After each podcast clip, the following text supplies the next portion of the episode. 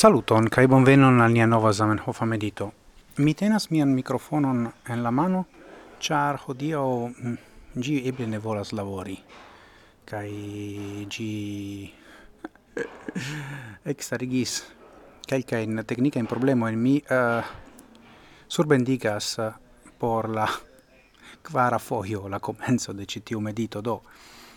Uh, mi legos el lingvo internacia 1905 vortoin de Zamenhof pri la congresso ocasonta, do antau, Bologna Cemaro. Kai li imagas la imagas bildigas en sia menso kiel gi estu.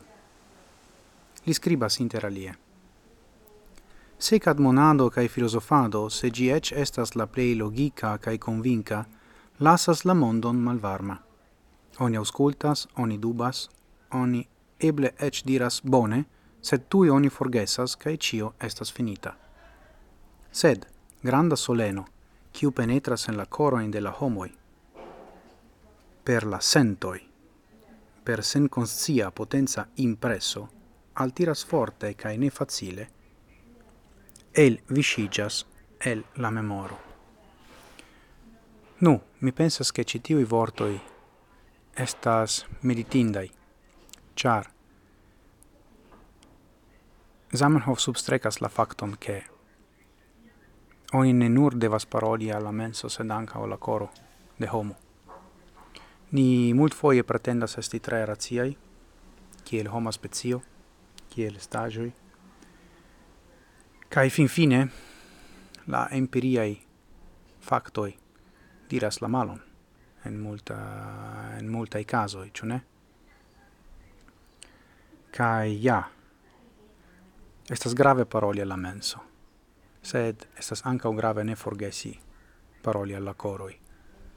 Tio estas la admono de Zamenhof, kai mi pensas che li tute pravis, char uh, fin fine Esperanto pluvivis la alien rivaloin, kiuin eh, en kiuin la proponanto ne enmetis spiriton, ni diru. Do ni creis comunumon per identezzo. Kai, giuste pro tio, mi pensas che tio povas valori krom Esperanto. Tio ci admono de Zamenhof. Racconti spertoin, clarigi chialoin, cune cun uh, emozioi, kiuin ni vivis, per Esperanto, por Esperanto, pri Esperanto, estas tre bone.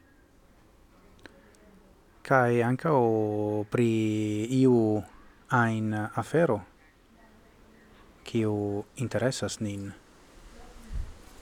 kiun ni pritaxas valora. Nu.